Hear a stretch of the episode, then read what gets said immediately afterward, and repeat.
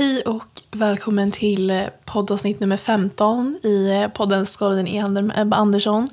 Jag hoppas du mår toppen. Jag känner bara att jag har varit så opersonlig i den här podden hittills. Jag känner att jag ger mycket värde men det är alltid direkt på sak. Och jag vet inte om det är någonting ni som lyssnar föredrar eller om ni tycker om att jag kanske är väldigt direkt i varje avsnitt.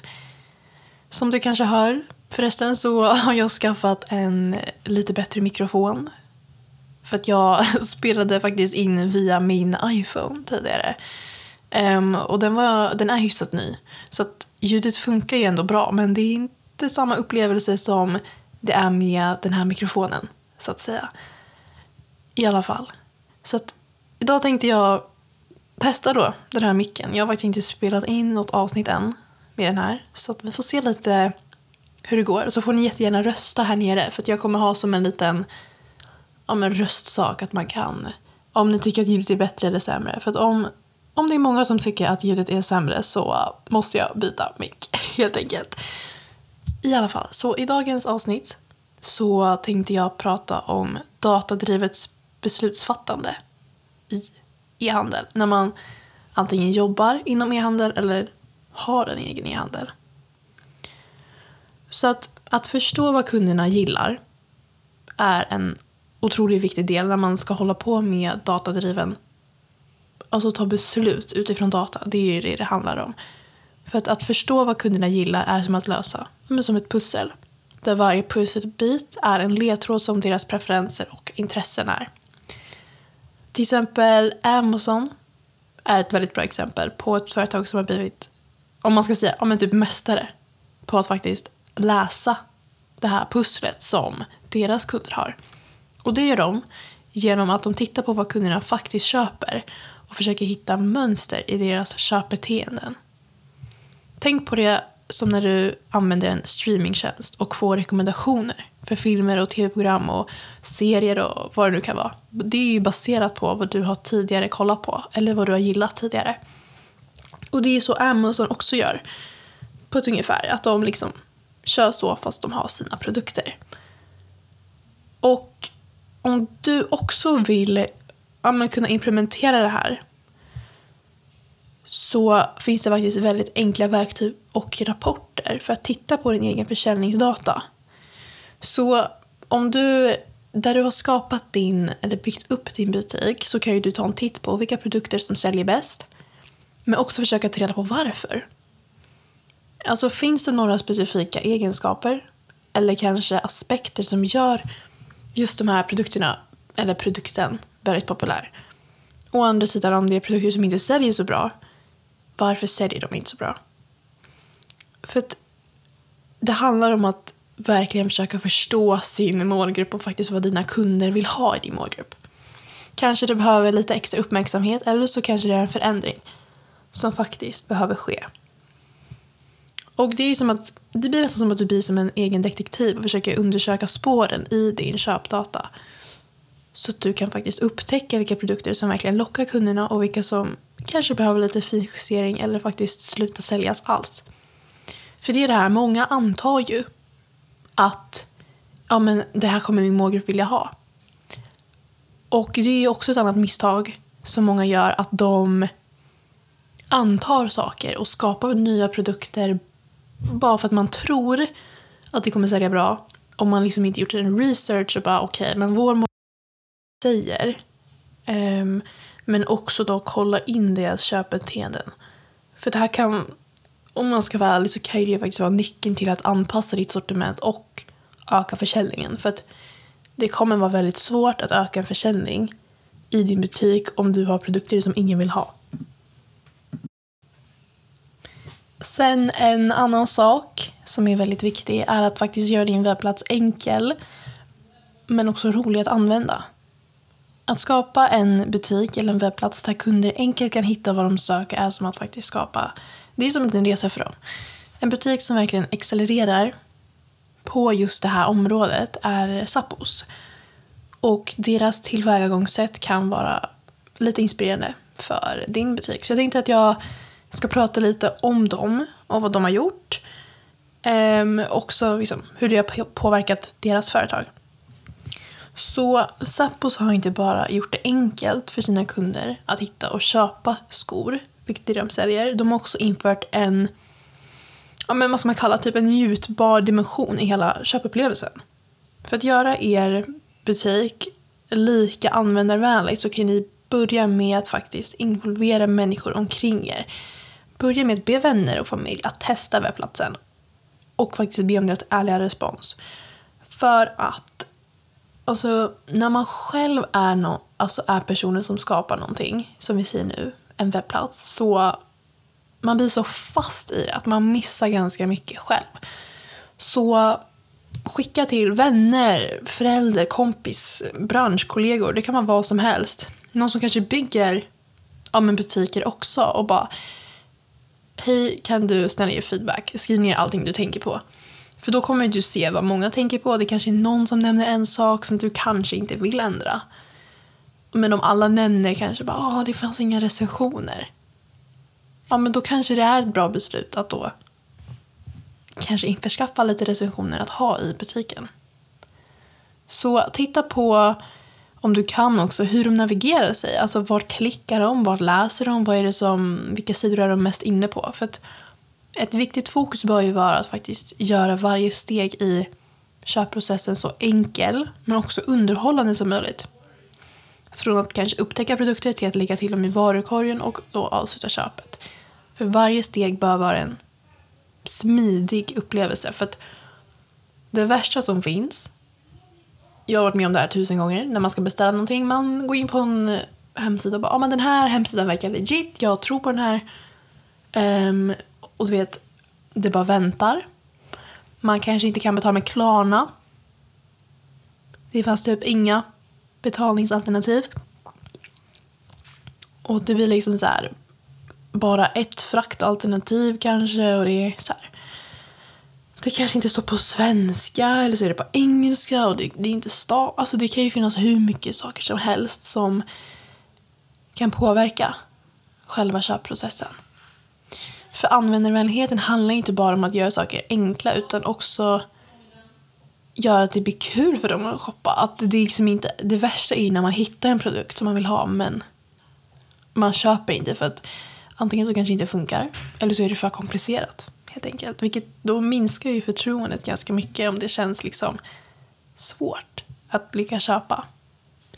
Så att få feedback från människor i din omgivning får ni, eller du, både den här externa synvinkeln på webbplatsen och tänk på det som att det är som att skapa, det är som en karta för dina kunder där varje klick och varje val är som ett steg framåt i deras sätt eller köpprocess. Så genom att sträva efter en enkel enkelhet när du bygger en webbutik och även att det ska vara kul kanske är fel ord, men det ska ju liksom inte vara svårt. Det är nog det bästa. Det ska inte vara svårt att köpa från din butik. Men det ska också vara kul för dem att komma tillbaks. Alltså det kan ju vara...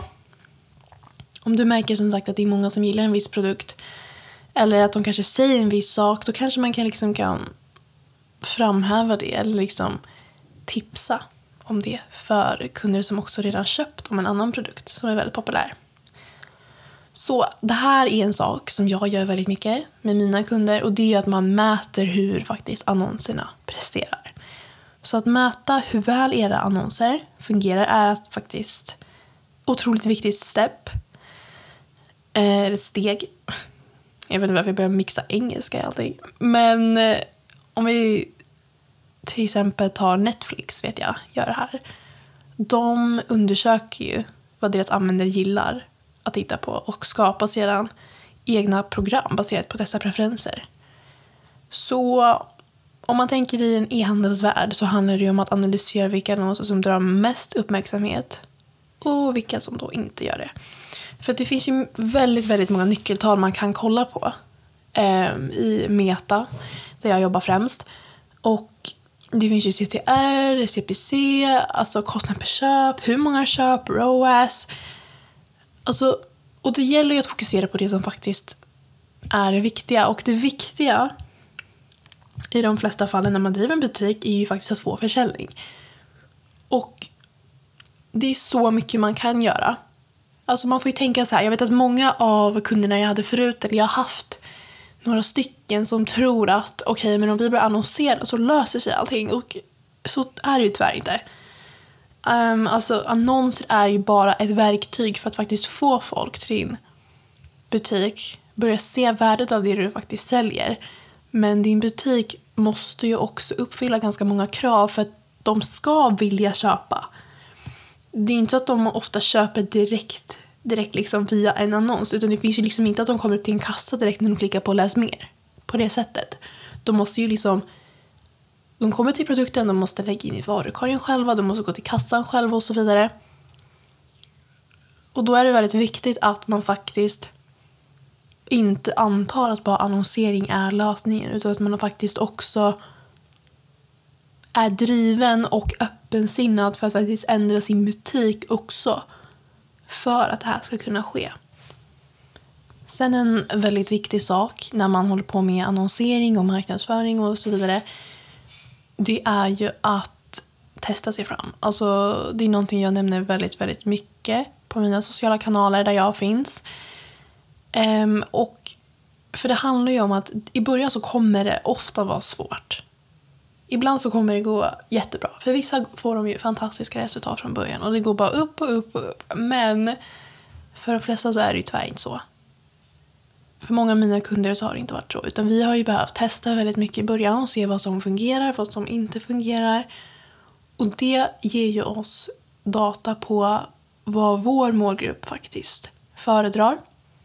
Varför de köper, alltså vad för typ av annons som genererar mest försäljning och så vidare. För det är ju det som kommer göra det ännu bättre framöver. Och visst, det, alltså det kanske är lite kostsamt i början. Och det är ju förståeligt. Men det här det handlar om att om man tänker långsiktigt med sin butik eller om man tänker kortsiktigt. Jag vet, jag hade en kund jag jobbade med för ett tag sedan som jag... Alltså vi avslutade samarbetet för att jag... Jag kände att den där... Den där... Nej men personen tänkte väldigt, väldigt kortsiktigt. Alltså det var hela tiden varför får jag inga köp? Och det går typ så två dagar och typ och liksom, jag gav mycket feedback också, för det är det när man jobbar med mig. Alltså jag ger ju feedback på din butik och du kan bolla idéer med mig, vi kan komma på erbjudanden för kommande månader och så vidare. Och jag gav väldigt mycket feedback på butiken för att det var mycket som jag kunde se som kunde förbättras. Men de gjorde ju ingenting åt det. Och det är det här jag menar också att du måste vilja ta din butik seriöst. För att, alltså, det här kommer vara omöjligt om du bara tänker kortsiktigt. Um, för det här är en process. Och det handlar ju om, liksom, har du, har du bråttom? Eller liksom, vad är det som... Varför måste det gå så fort egentligen? Alltså, det här är ju en resa, får man ju tänka. Alltså jag brukar också, nu blir det lite så här, mina, min filosofi mitt i allt. Men resan är ju liksom inte mål. Alltså det är ju målet. Om man ska säga det så. Alltså, du kommer ju nå ett mål och sen kommer du vilja nå ett annat mål efter du har nått det. Men det är ju under den här långa, långa tiden, eller långa tiden kanske inte är, men det är ju under resans gång som du blir en bättre version av dig själv, du lär dig mer och du kommer utveckla din e-handel mer. Och varför ska man då stressa? det är något jag inte förstår. Men en viktig, viktig sak är att faktiskt ta action och göra det som behövs.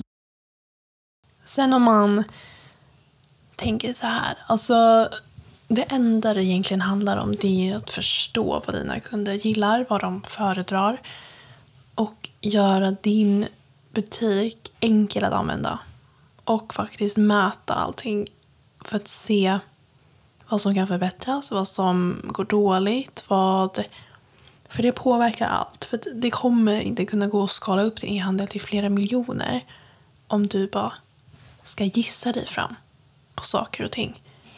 Utan det handlar ju om att skapa långsiktighet om du verkligen vill ta din e-handel seriöst, vilket jag verkligen, verkligen hoppas att du gör.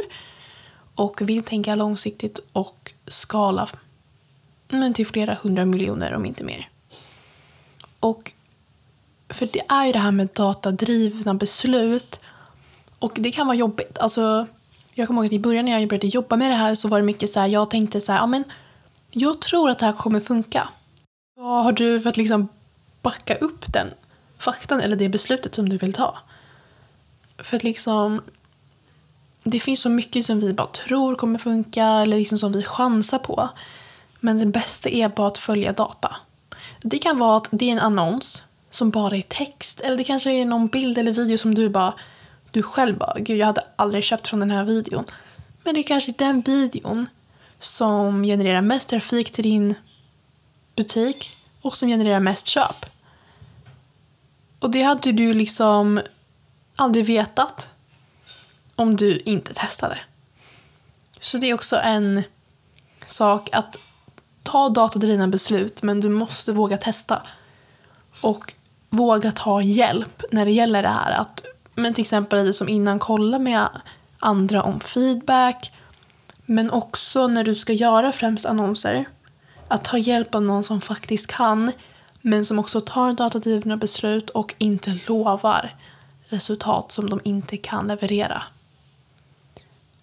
Det var det för det här avsnittet. Jag hoppas det inte var allt för rörigt. Jag hoppas det var mycket värdefull information.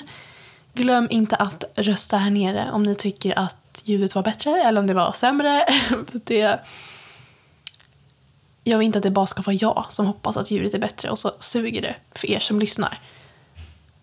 I alla fall, men tack så mycket för att ni lyssnade på dagens avsnitt av Skadan i Andel med Ebba Andersson. Så hörs vi framöver.